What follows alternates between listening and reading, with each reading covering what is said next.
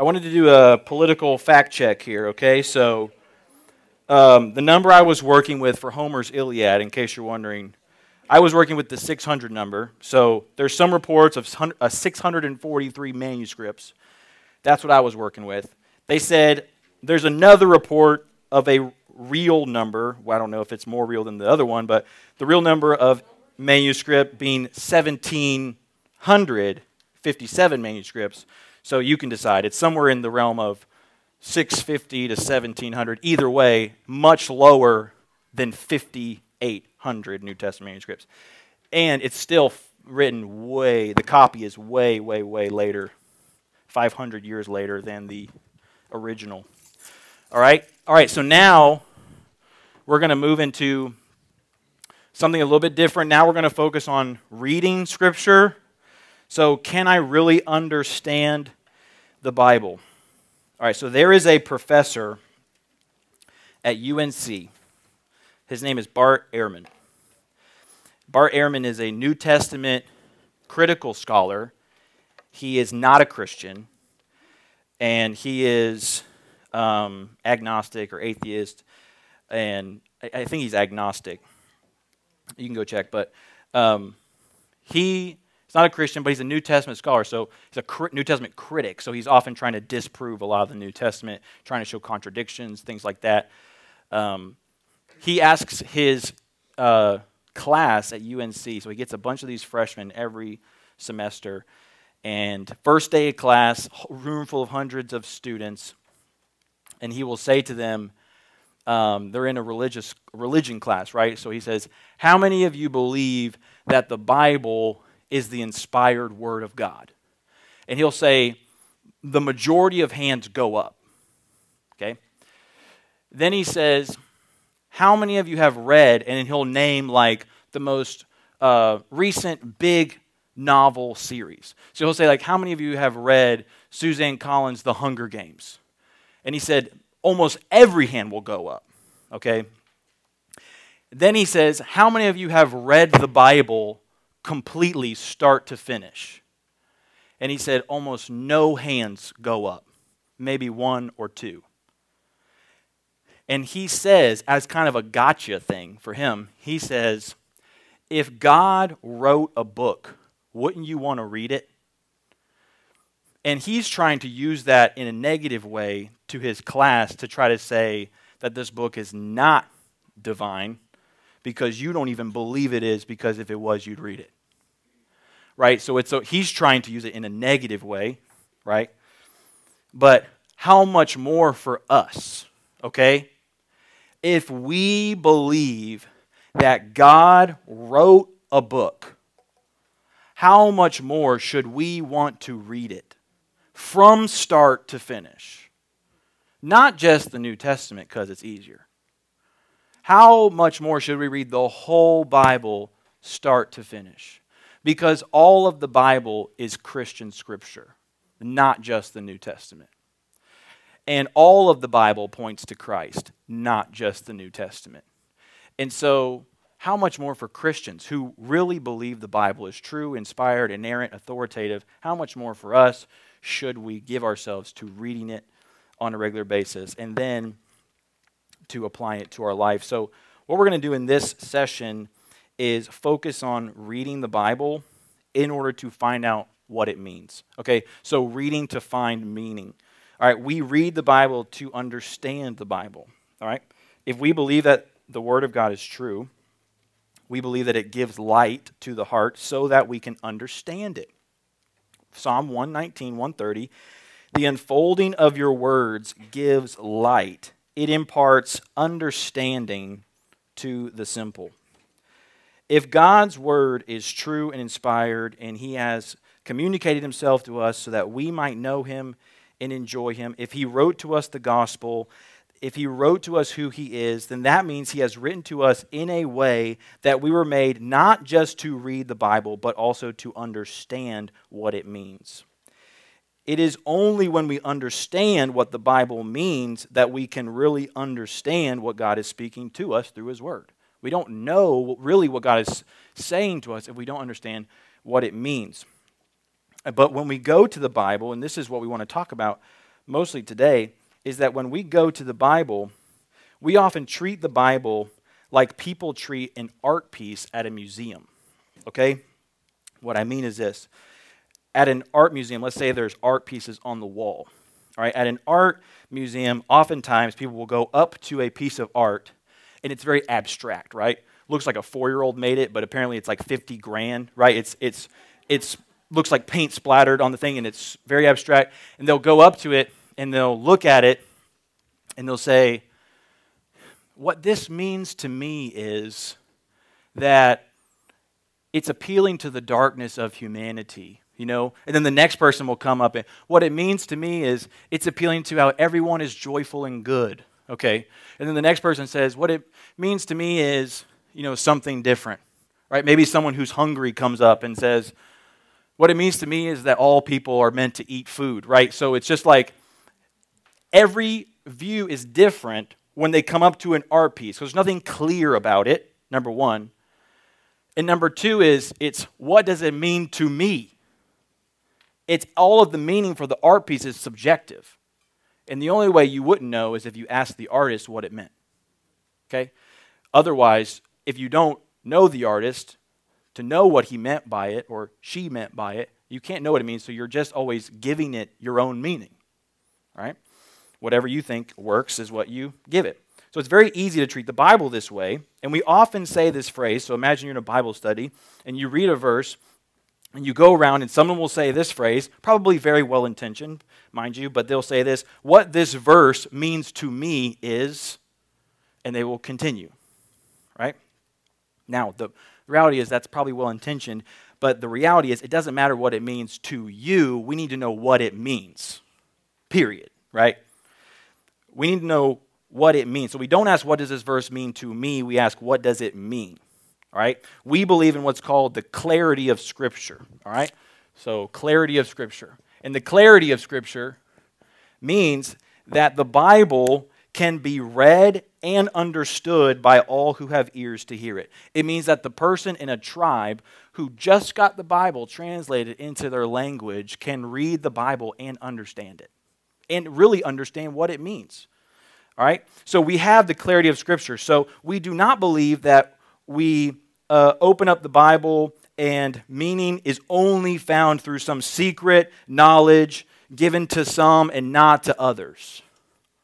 Right? That's a heresy called Gnosticism. Right? Gnostics believed in the early century uh, in a secret knowledge that you had to have. And we are not Gnostics. And the Bible is a word that can be read and understand, uh, understood. And so when we open up the Bibles for ourselves, we have the help of the Holy Spirit. And because we have the help of the Holy Spirit, we can actually read and arrive at meaning. And that's good because until we arrive at meaning, we can't apply anything to our life truly until we know what it means. Because you can't apply what you don't know what it means, okay? So, um, 2 Timothy 3.16, again, says, All Scripture is breathed out by God and is profitable for teaching, for reproof, for correction, and training righteousness that the man of God may be complete and equipped for every good work. So, profitable means that it can be understood, number one, and applied. All right? So, if it's profitable for every person for teaching and correction and training in righteousness, um, then that means that we too can, can do this. All right? So, every person that opens up the Bible needs to be searching for what does it mean. Now, we're going to get into a couple of uh, deeper waters, okay? So just hang with me. If it, if it ever gets confusing at any point, just you can ask me afterwards, okay? Um, but just go with me. I don't think it will be. I'll try to be as clear as possible. Who gets to determine what a biblical text means? Does the author decide, or does the reader or the listener decide what it means? All right? You can probably answer this, right? Who gets to determine the meaning? The author determines the meaning. The author determines the meaning of the biblical text, both the human author and the divine author. Okay, so the divine author, God, has a intended meaning that the human author is communicating. All right? So if your husbands, if your wife tells you something very clear, Okay? She tells you, take out the garbage. And you're in the kitchen, and there's the garbage. Okay, overflowing. And you look at that and you say, well, to me, it sounds like you want me to take the garbage out of my life. And so I need to eat better. I need to sleep better. I need to get better habits. I need to not eat Bluebell at 9 o'clock at night, talking to myself. And, and so that's what, that's what I'm going to do. And then you walk away and you leave the garbage overflowing. This is how arguments happen in marriage, okay?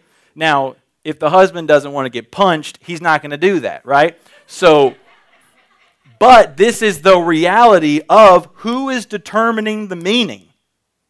The author, the speaker, is the one determining the meaning of their words. Okay? It is not loving, nor is it in, have integrity to take someone's very clear words and change them. All right? especially when they were very clear. It doesn't uphold integrity and honesty of a biblical author when we do this, or really any author. All right, when people do this with the Bible, and people do this with the Bible, when people do this, and it happens all the time, all right, we, there's a name for this, and it is called reader response, okay? And it's a view of interpretation, all right? And it's a liberal view. It's a subjective view, right? So subjective is it's different for every person. All right? And we believe that truth in the Bible is objective truth, all right? Where it's fixed. It doesn't change. And so for a reader response view of interpretation means that the listener is deciding what a text means. We take a text and we say, well, when Jesus said, you know, leave your father and mother, and the man, the man shall leave his father and mother, and the two shall become one flesh. And he's talking about marriage between a man and a woman. What he really meant was, and then you change it to then allow for homosexuality, we call that reader response. Because Jesus was pretty clear that marriage is between a man and a woman, and he even appeals to the Genesis 1 and 2 account, all right, God's design. So when we change that, we call it reader response view of interpretation, and that's it's the liberal view. That's how theological liberalism happens. Prosperity gospel preachers like Joel Osteen, uh, T.D. Jakes, Kenneth Copeland, they make their living on reader response. They take they take things out of context. They themselves rip quotes out of context and then apply them in their own way. And uh, progressive Christian preachers do the exact same thing. All right. So the meaning of a text is found by discovering the reality that the biblical author intended to communicate. So the blank should be author intended, because that's the view that we would uphold, not reader response, but we believe in an author intent to a passage, right? So we want to find the author's intent. What did he intend to communicate, especially the biblical author, through the text? All right, author intended communication. All right, so this is um, a quote from Douglas Stuart Gordon Fee. They have this book called How to Read the Bible for All It's Worth. Um, the true meaning of the biblical text for us is what God originally intended it to mean when it was first spoken. All right, they also say it like this. This is really helpful. A text cannot mean what it never meant. All right, so if it didn't mean that to the original audience, then it doesn't mean it now. Does that make sense? You can't change it just because we're 2,000 years later. If it didn't mean it then, it doesn't mean it now. Meaning doesn't change. Application can change. Meaning doesn't change. All right, we'll talk about that in just a second. So, hermeneutics, all right, hermeneutics, that's a big word. Herma? Hermeneutics. All right. Herm men u ticks. EU hermeneutics all right, this is what we're talking about. So, this is the hermeneutics, is the convictional view that you have for how to interpret Scripture to discover what it means. Now, that's a way to say this is your view of where you believe meaning comes from. Does it either come from the reader or does it come from the author? So, everybody has even the middle schoolers in the room, you have a hermeneutical view of the Bible. Every time you open up the Bible, you are deciding who is determining that meaning you or Jesus, you or the author. What we tend to do is when we read the Bible, we tend to read the Bible as if the Bible is about us rather than the Bible being about Christ. All right? Who is the Bible basically about? Every time you open it, you're making a decision. Either the Bible is basically about me, giving me morals, giving me guidance, or the Bible is basically about God and his redemption through Christ. You're making that decision every time you open the Word. That's a hermeneutical view. You don't have to know that word, but it's true for you. Right? Everybody has a view of where meaning is coming from. We call that hermeneutics. Now, there are two basic rules, good basic rules. These are, these are general rules, all right? So there's nuance here. These are general rules across the board to hermeneutics. One, your aim in general is to always look for the plain, clear meaning of a text. We taught our students observation today. We just want them to see can they see what is there? Because what we're trying to do, students, when we do that, is to say, what is clearly here that I see, right? That's a good hermeneutical process, right? We're, we are not looking for the obscure and the hidden and the periphery things, right? If we read Revelation, we get so hung up on the hidden and the periphery things, and we lose sight of the clear, plain thing Jesus is coming back. Right? And I don't know when, but as long as I'm in Him, I'm good. That's the main thing. And I can endure because Christ is coming back. But instead, we get out this full whiteboard and we start mapping out everything for the end times. We're looking at our phone on all the current events and we're putting them on our map. Where, when is Jesus coming back? We're not looking for the hidden and the obscure. We're looking for the clear and the plain. All right? That's a hermeneutical view. Another good rule is a text has one meaning with many applications. All right? One meaning with many applications. So now, without getting too deep, a text can have meanings that get fuller. Okay? And what I mean is, that um, meanings can kind of build, the intent of the original meaning can build and get fulfilled over time, okay? So thinking about more like immediate context and future context. So one example might be 2 Samuel 7, where David gets a promise that from his offspring there will be a king over an everlasting kingdom, and of his kingdom there will be no end that meaning is in the immediate Solomon, his offspring, because then from Solomon's line, we're going to get the king of an everlasting kingdom, Christ. Okay? So there's a meaning. It doesn't change because it was always intended to mean this and then fill up to this. Does that make sense? The meaning didn't change, it got fuller. All right, we call that sensus plenior. You do not need to know that, but you can really impress someone with that. Sensus plenior. Okay, that means meanings get fulfilled, fuller. Okay, it's like filling up a glass of water. Okay, and you just get a little bit more, a little more, a little more. Um, like think about the promise to Abraham. Okay, that he's going to be the father of many nations. All right, well that means in the original that he's going to have a people Israel through his line. All right, God's people, and then one day through his people. So that's the first meaning. And then that's going to get filled up to Jesus, who's going to come from Israel, to then through faith in Christ, we're going to all be in the kingdom of God. And Abraham is going to be the father of many nations because people from all over the world, from all the nations, are going to believe in Christ. See how that works? The meaning got fuller, the, mean, the singular meaning got fuller, but didn't change. But it can have many applications. So as culture moves and changes, the application of the word can be applied to new situations that maybe it couldn't have been applied to back then. All right? We have cell phones now. Think about how the application do not lust can now be applied to phones where it couldn't have been applied to phones, you know, 2,000 years ago. But the meaning is the same, right? Do not lust is the same. Now it's applied in a newer way as time has gone on. All right, so that's a good, a good rule. One meaning, many applications. So if hermeneutics is the view of how you get meaning, uh, the process now of studying the Bible with that view is called what?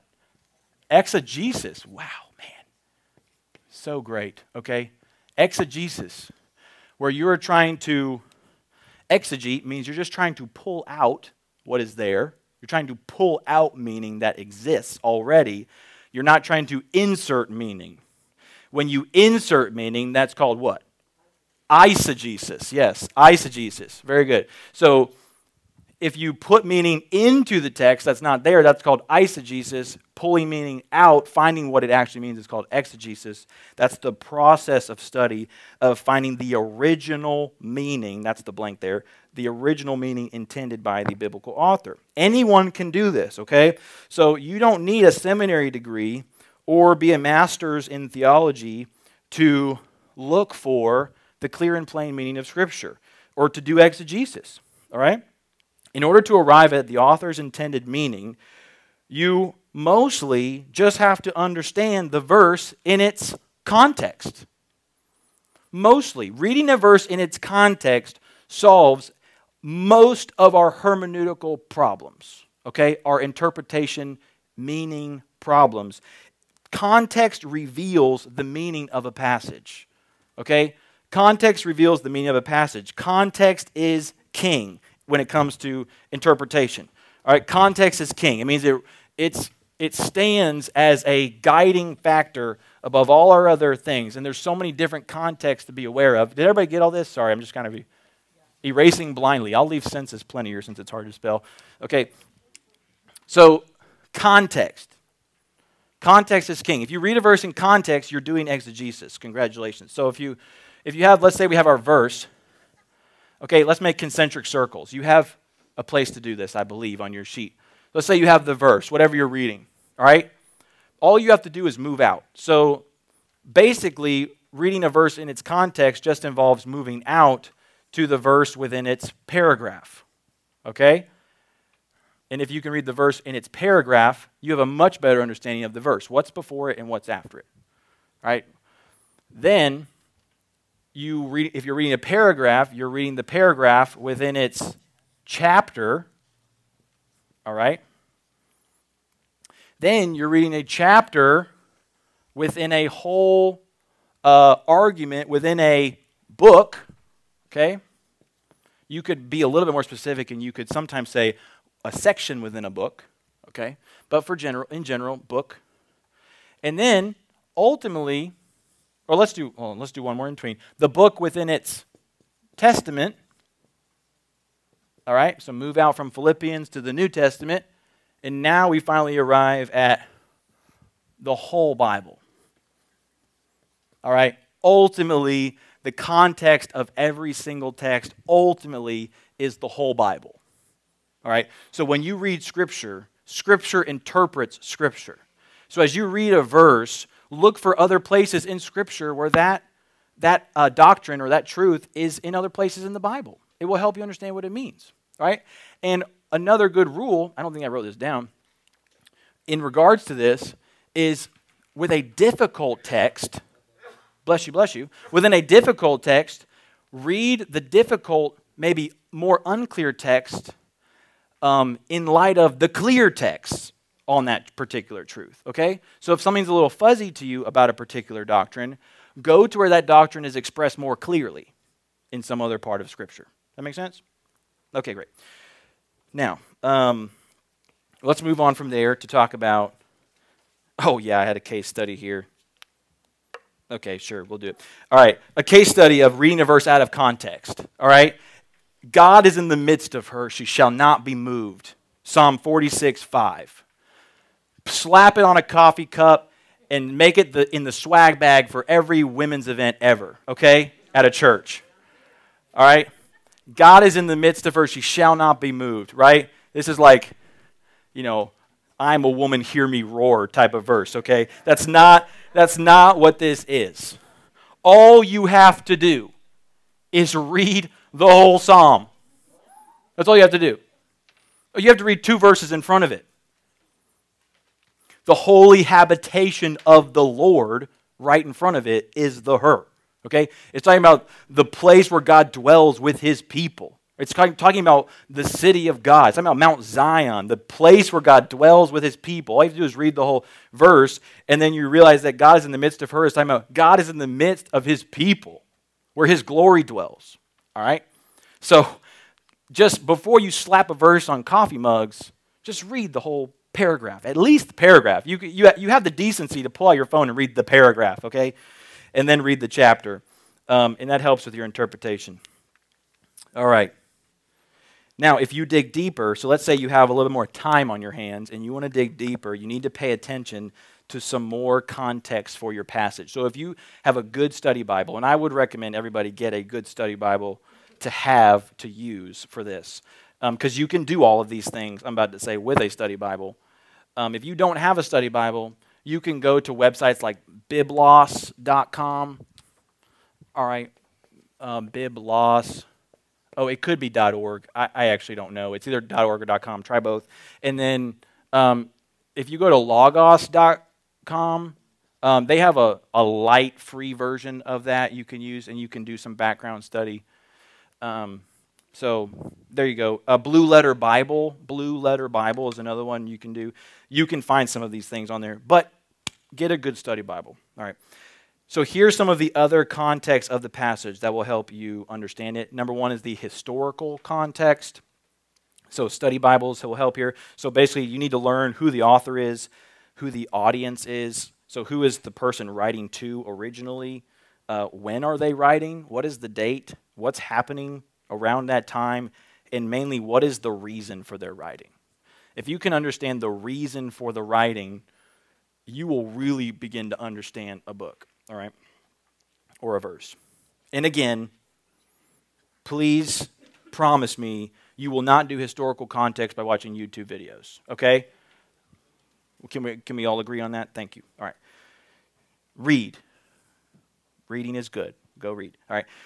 Literary context is number two. So, literary context. So, we need to learn the genre of the book. All right there is we said this at the very beginning today there's poetry there's law there's narrative there's letter there's apocalyptic and all of these things are inspired but it means that even the genre in the kind of literature is inspired so that means that there's figurative language in other parts of the bible there's symbolic language in revelation for instance so that means that when we, we say like uh, do, is all the bible translated literally okay well that's a lot of times that's kind of a tricky statement to answer because it's all the Bible is translated um, within its own literary context. Does that make sense? Because the authors were inspired to say uh, uh, poetic, figurative language, all right? And you need to just take, take that into account. Uh, Revelation is going to read differently than Galatians, okay? Song of Solomon is going to read differently than Isaiah. All right, Isaiah is going to read differently than Deuteronomy 27. All right, so you've got to you've got to know the context, but it's still all true, and it's still all inspired and inerrant. Okay, literary is very important. Um, grammatical number three. Uh, yes, I'm sorry, I did say grammar in this session today. Grammatical. All right, what that means is you need to focus on the words as they are in the sentence. So uh, you don't have to learn Greek, and you don't have to learn Hebrew. You can do this with your English Bible. All I'm saying is look at the words and how the sentences and the paragraphs work together. Okay? So don't just read them haphazardly, read them with intention. Okay? Because a lot of times arguments are building, and there's things like therefore, which we had in the sermon this morning. Pastor Monty said, when there's a therefore, what's it? there for, right? And so you have words like that. You have words like um, and and so that or in order to, right? And these these reasons that are building and you know, you, you need to pay attention to those. And then if you kind of dig deeper with some of these other websites, you can look up that original language and that really brings it to life. if you have a good English translation like ESV or NASB or CSB, the words are very faithful. So um, you should be you should be good to go with a good translation. The fourth one is paying attention to the Christ-centered or the redemptive context. So our text still is not fully understood until we understand it in light of the person and the work of Christ. Okay? The Bible is a Christ centered book. Christ is the center and the intended fulfillment of all of Scripture. All of the Bible, then, every text, should be read in light of Christ, his person, and his work in the gospel. Because only through Christ do you rightly understand the fullest authorial intent, author's intent, of any passage, including the Old Testament. So, a guy named Graham Goldsworthy, he says, the center and reference point for the meaning of all Scripture is the person and the work of Jesus of Nazareth, the Christ of God. So, the gospel acts like a hermeneutical key for unlocking every passage. And I'm going to show you how in just a second. Because Jesus is the hero of the whole Bible. The Bible is one story with one hero, Jesus. And when you don't read the story in light of the hero, then you don't know the whole story. And you don't know the whole story about your passage. So we read these earlier. Let's read though them again, Luke 24, 27. And beginning with Moses and all the prophets, he interpreted to them in all the scriptures, Old Testament, the things concerning himself. Luke 24, 45. These are my words I spoke to you. Everything written about me in the law of Moses, prophets, and Psalms must be fulfilled. And then 5, John 5 39, you read the scriptures, you search the scriptures because you think that in them you have eternal life. It is they that bear witness about me. So we have to read our Bible with a Christ centered lens. And now I want to ask you, we need to ask, how do I understand the Christ centered meaning of any passage? So I'm going to give you four little recipes here, but first we have to do more board stuff, okay? All right, Ooh, man. Circles are hard to erase. Okay. All right, so number one, the way we can do this is learn the four main redemptive movements of the Bible. Okay? So now, this is simplistic. Okay? So there's some nuance here, but generally, there are four main movements of Scripture, and any of your passages that you read will fall into one of these movements. The first movement, number one, starting at the very beginning, is creation. Okay? This is Genesis 1 and 2. If we were three circling it right now, we would call this God's design, right? So this is the God's design. Creation, everything is good. Oh, I said creation 1 and 2. I meant Genesis. 1 and 2. Okay, creation. Everything's good here, right?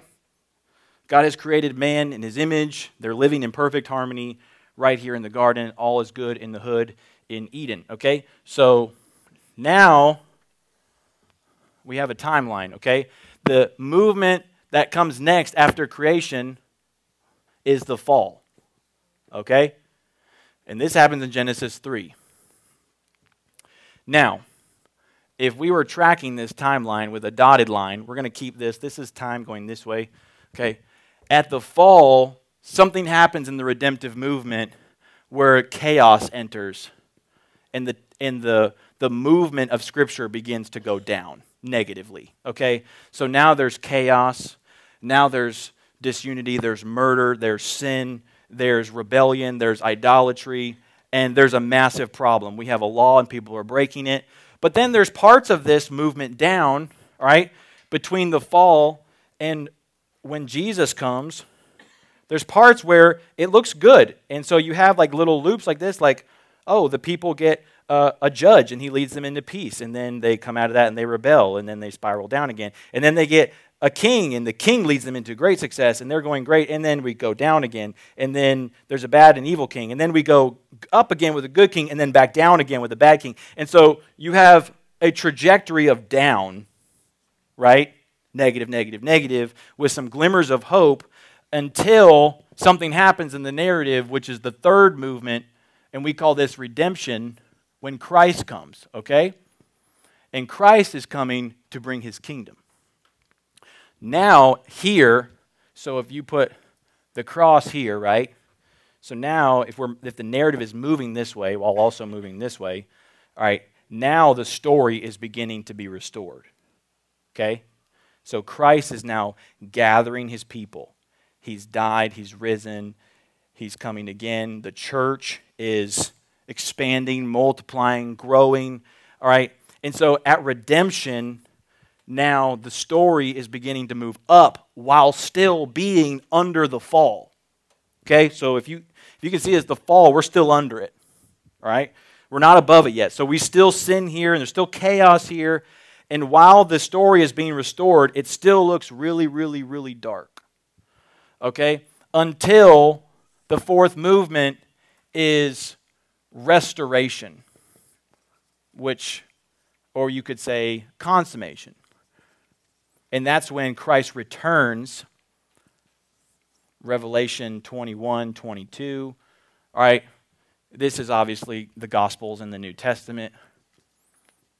All right, and when Christ returns, now you actually go above the line because now all things are made new. So we're not just here now, we're actually new. Right? All things are restored. They're better than they were before. We now live in the presence of God with Him face to face.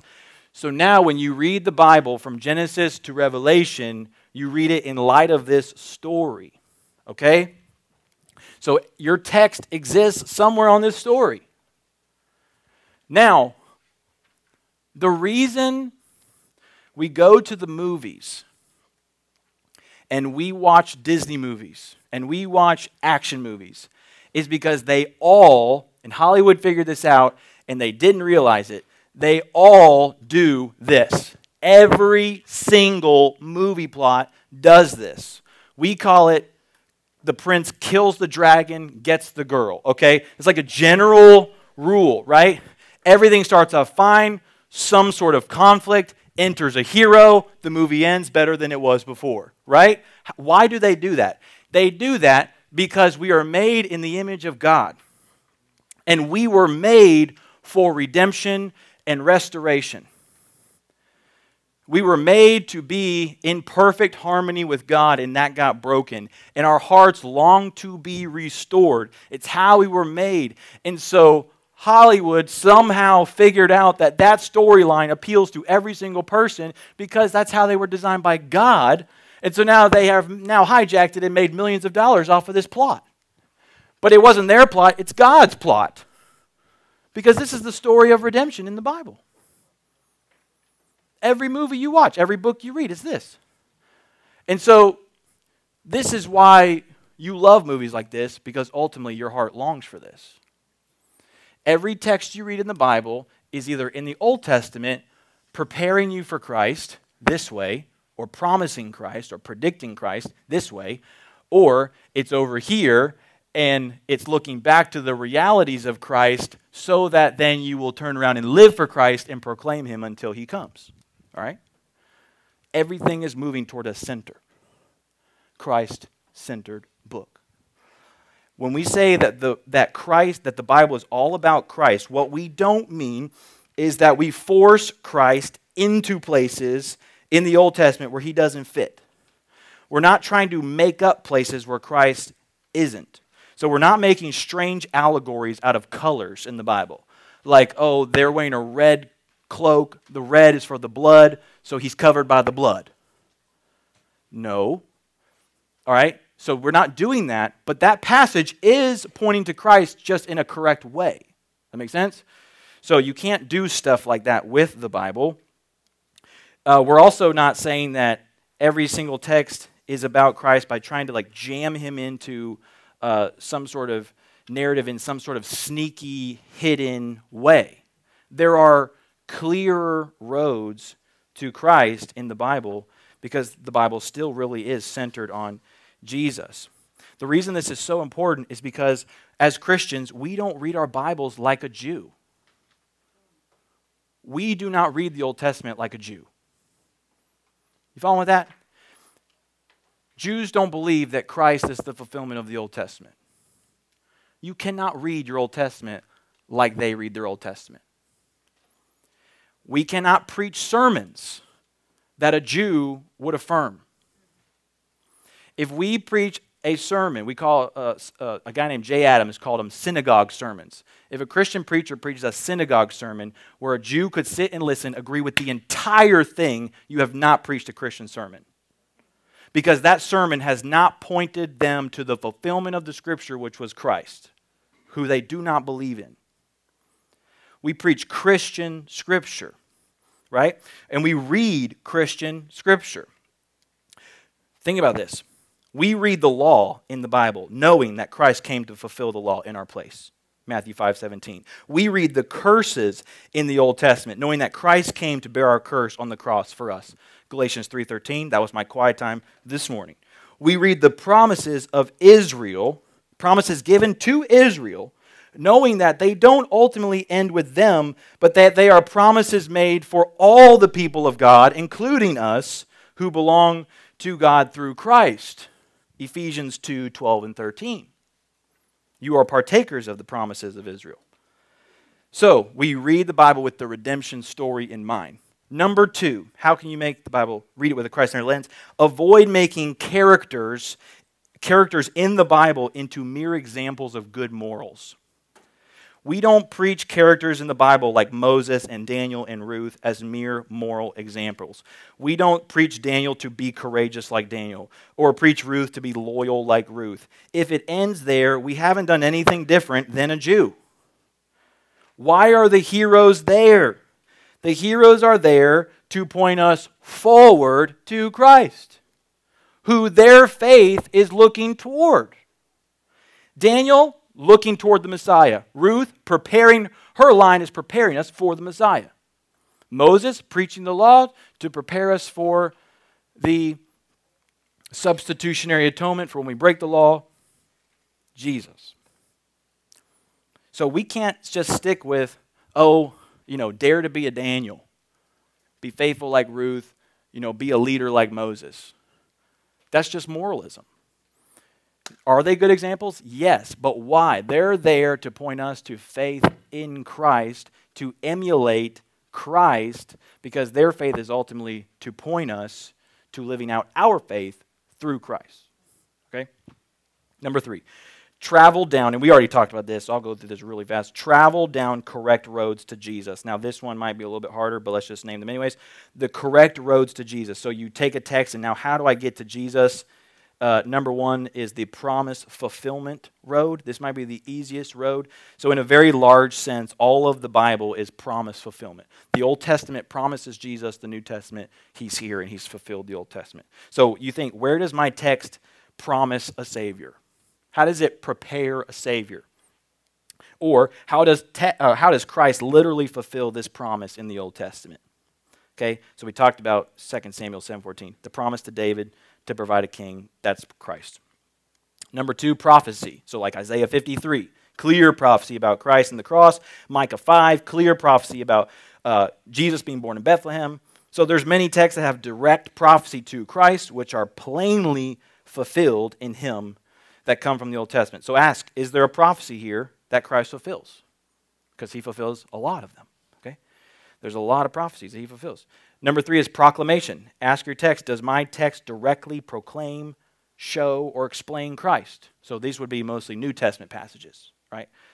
Proclaiming Christ, living out the Christian life, showing Christ, explaining Christ.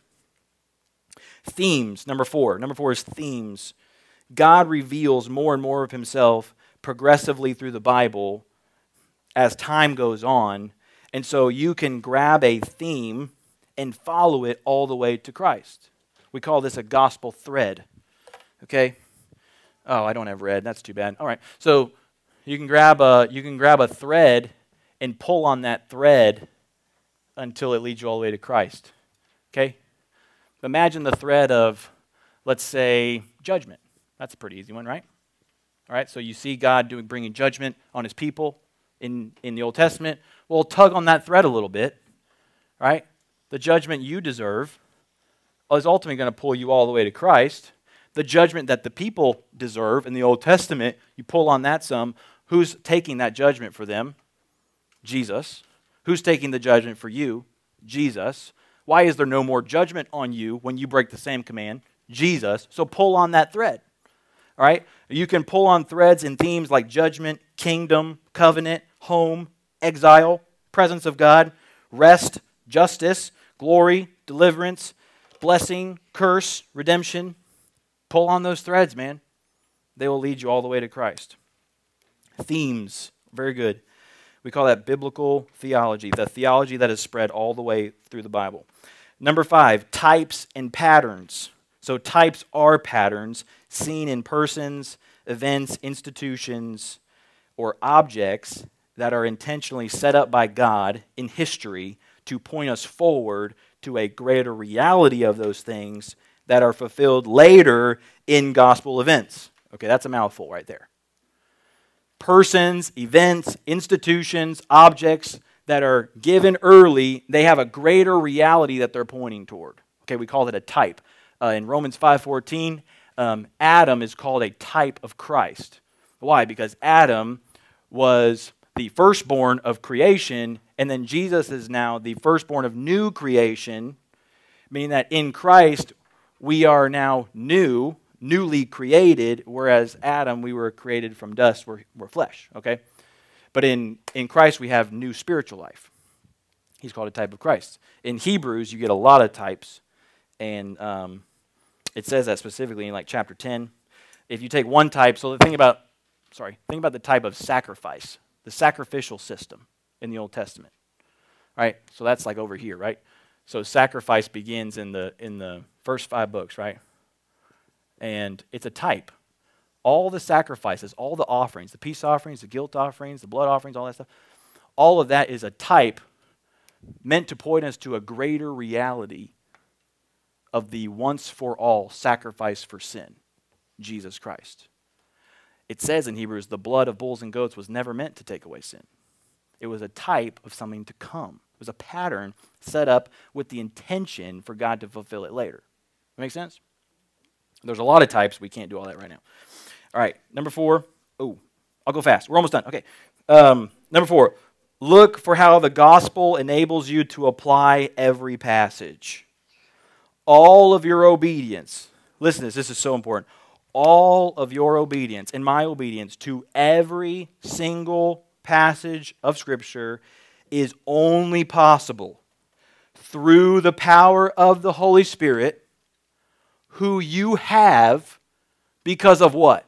Because Christ died for you to give him to you. So that means literally any command of Scripture from the Old Testament cannot just end as a moral command.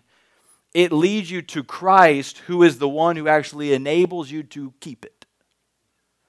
Because John 15, 5 says, apart from Christ, we can do nothing. Nothing. No obedience is happening apart from Christ. Which means that if we want to apply anything in the Bible, it is only possible through Christ. It's very important. Romans 8:13, if you live according to the flesh, you will die, but if by the spirit you put to death the deeds of the body, you will live. That means that anyone who is trying to obey something outside of Christ, their obedience is not glorifying to God. It's called filthy rags. Any attempt to obey scripture not as a Christian is not pleasing to God. Romans 8 says the flesh is hostile to God. Indeed, it cannot keep the law. I think that's what it says. Right? Indeed, it cannot. Right? It does. That's what it is. It does not keep the law. Indeed, it cannot keep the law. All right. I had to think about that for a second. It cannot please God. No flesh outside of Christ is pleasing God. The only way you can obey is through the Holy Spirit, who Christ died to give you. So every passage is going to reveal something like this it's going to reveal God's character and commands, which requires the grace of Christ for you to live it out. Okay, that's how it points to Christ. Or it's going to expose your sin, which you need the gospel to forgive you and strengthen you now to walk in obedience. Or it's going to show a promise of God, which only belongs to you because Christ died to give you that promise. So, literally, all of the Bible is only applied to you through Christ. So, just in the application portion, you can get to Christ. Because you only understand fully what it means for you when you take that passage all the way to Jesus. You say, Well, Mark, I don't know the first thing about looking at my Bible to do any of these things you're talking about. It's all really nice ideas. Sounds like a seminary class. Well, you can do this, all right? I have some cards I gave the students this morning. Um, it teaches you how to engage your Bible by doing observation, interpretation, and application on your own with no other helps but your own Bible. Okay? Now, I don't know how many of these I have, but I will leave these for you if you want one of these. There's like eight questions to observe your text, eight questions to help you interpret your text, and eight questions to help you apply your text. Okay? So you can do real exegesis Bible study, find the meaning, and apply it to your life with just these simple things. All right? Now, you don't have to even use all, you don't even have to just use these questions. If you can just remember, observe a text, ask it questions like, what happens right before this passage? How does this text reveal God? How does this text reveal sin? How does this text reveal brokenness? What is a key theme here? Where do I see this in Scripture, in other parts? What are connections I can make to the rest of my chapter or book? Those are interpretation questions, and you can arrive at real meaning. And so I'm going to leave these for you. I'll just leave them on that table right there. If you want one, come grab one. And uh, students, you should already have one. So if you didn't get one this morning, you can come get one. Lastly, we're going to end right here, I promise, okay? So, how should we then, knowing all of this, how should we then read our Bible? Number one, we should read humbly. But this is the one to whom I will look, he who is humble and contrite in spirit and trembles at my word. Humble and trembles at my word. We read expectantly. Number two, the word of God is living and active, sharper than a two edged sword, piercing the division of soul and spirit, joint and marrow, discerning the thoughts and intentions of the heart. We read expecting to hear from the Lord. It is a living and active book. God speaks through his book, he transforms through his book as we see Jesus in it. Number three, we read diligently. The Bereans, they received the word with all eagerness, examining the scriptures daily to see if these things were so. They're digging in, diligent to take what they hear and then go to the Bible and see if it's true. Diligence. Read daily. Number four, his delight is in the law of the Lord, and on his law he meditates day and night. Read daily, every day.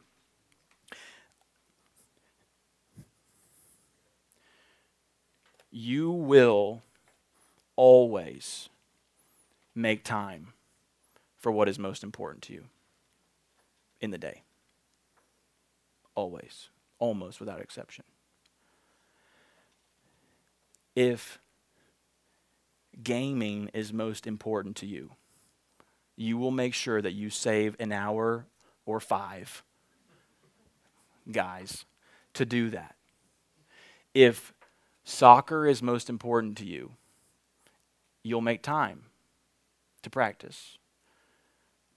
If academics is leading your life, you'll make time. If work is the most important, you'll make time. And if God wrote a book, shouldn't we make time to read it every single day? Absolutely. It is how we hear from Him. Number five, read prayerfully. Take up the helmet of salvation, the sword of the Spirit, which is the Word of God, praying at all times in the Spirit. Praying is attached to the taking up the sword of the Spirit. So it's Paul is really saying, take up the sword, the word praying.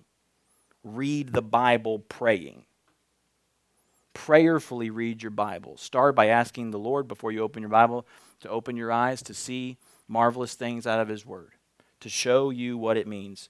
And then ask Him as you read to help you apply it to your life. Sixthly, read joyfully. Read joyfully. The psalmist says, How sweet are your words to my taste, sweeter than honey to my mouth. Psalm 119, 103. Right? We read with joy. It should not be Listen, it should not be a burden to read the Bible. It feels often like burden, right? It feels like study, it feels like manual labor. It feels difficult. Oftentimes, it's a burden because we get lost here and we don't know the tools to really understand it. But if we would trust God, y'all listen, trust God to speak, ask Him to show you Christ, open your Bible and see how He transforms you into the image of Christ. And read with joy. It is the greatest joy to hear from God our Savior. What an amazing thing that we get to do every day. We have something better than Moses had. Moses went up on the mountain. He was with God for 40 days, got the Ten Commandments. Everybody was acting a fool on the ground, making a golden calf. He's up there with God. We have something better than that moment with God. We have Christ in us, the hope of glory. Colossians 1:27 it says that the prophets longed to see our day. Think about that. Moses and Abraham would kill to be in the place where we are because we have the Holy Spirit in us. That's kind of a mind blowing thought. So that means that when we read the Bible, we read with eyes wide open, expectantly, and joyfully so that we can see Jesus in all of the Bible. We read to see Jesus. We read to look like Jesus. We read to live on mission for Jesus. We read to make disciples. We read to be convicted of sin. We read to share the gospel. We read to stand on God's promises. We read to remember His grace. We read to grow in holiness. We read to run to the Father. We read to be guided by the Spirit. We read to enjoy our Savior. We read God's Word. So, will you read your Bible tomorrow? Go. Peter says, Mike's dying right on time. Where else are we going to go? Only to Jesus and His Word. So, let's pray. I'm going to put these cards out. Thank you for coming tonight. On the back was the sources I used, and then I did bold in bold type, I put books that I recommend for further study um, for you right there. And uh, thank you for coming tonight. Thank you for your attentiveness. We went for three hours. Great job. Um, let's pray together. I'm going to leave these cards out if you want them. Love you all. Thanks so much. And uh, let's make sure we clean up everything, okay? Let's pray. God, we are so thankful, thankful, thankful for the Bible. God, we read to see Christ in the Bible. God, would you help us see Jesus in all the Scripture? Help us be transformed into the image of Christ. When we look at the book, we see a window through to who you are. We see your goodness, we see your beauty, we see your grace, we see your love for us. May it not just be a, a dead book for us. It's not, it's a living, active book. God, please throw us onto your scripture where we have life. I pray you would do this in us. Thankful for this church who takes the Bible so seriously. Thank you, God. We pray in Jesus' name. Amen. All right. Amen. Thank you, guys. You are dismissed.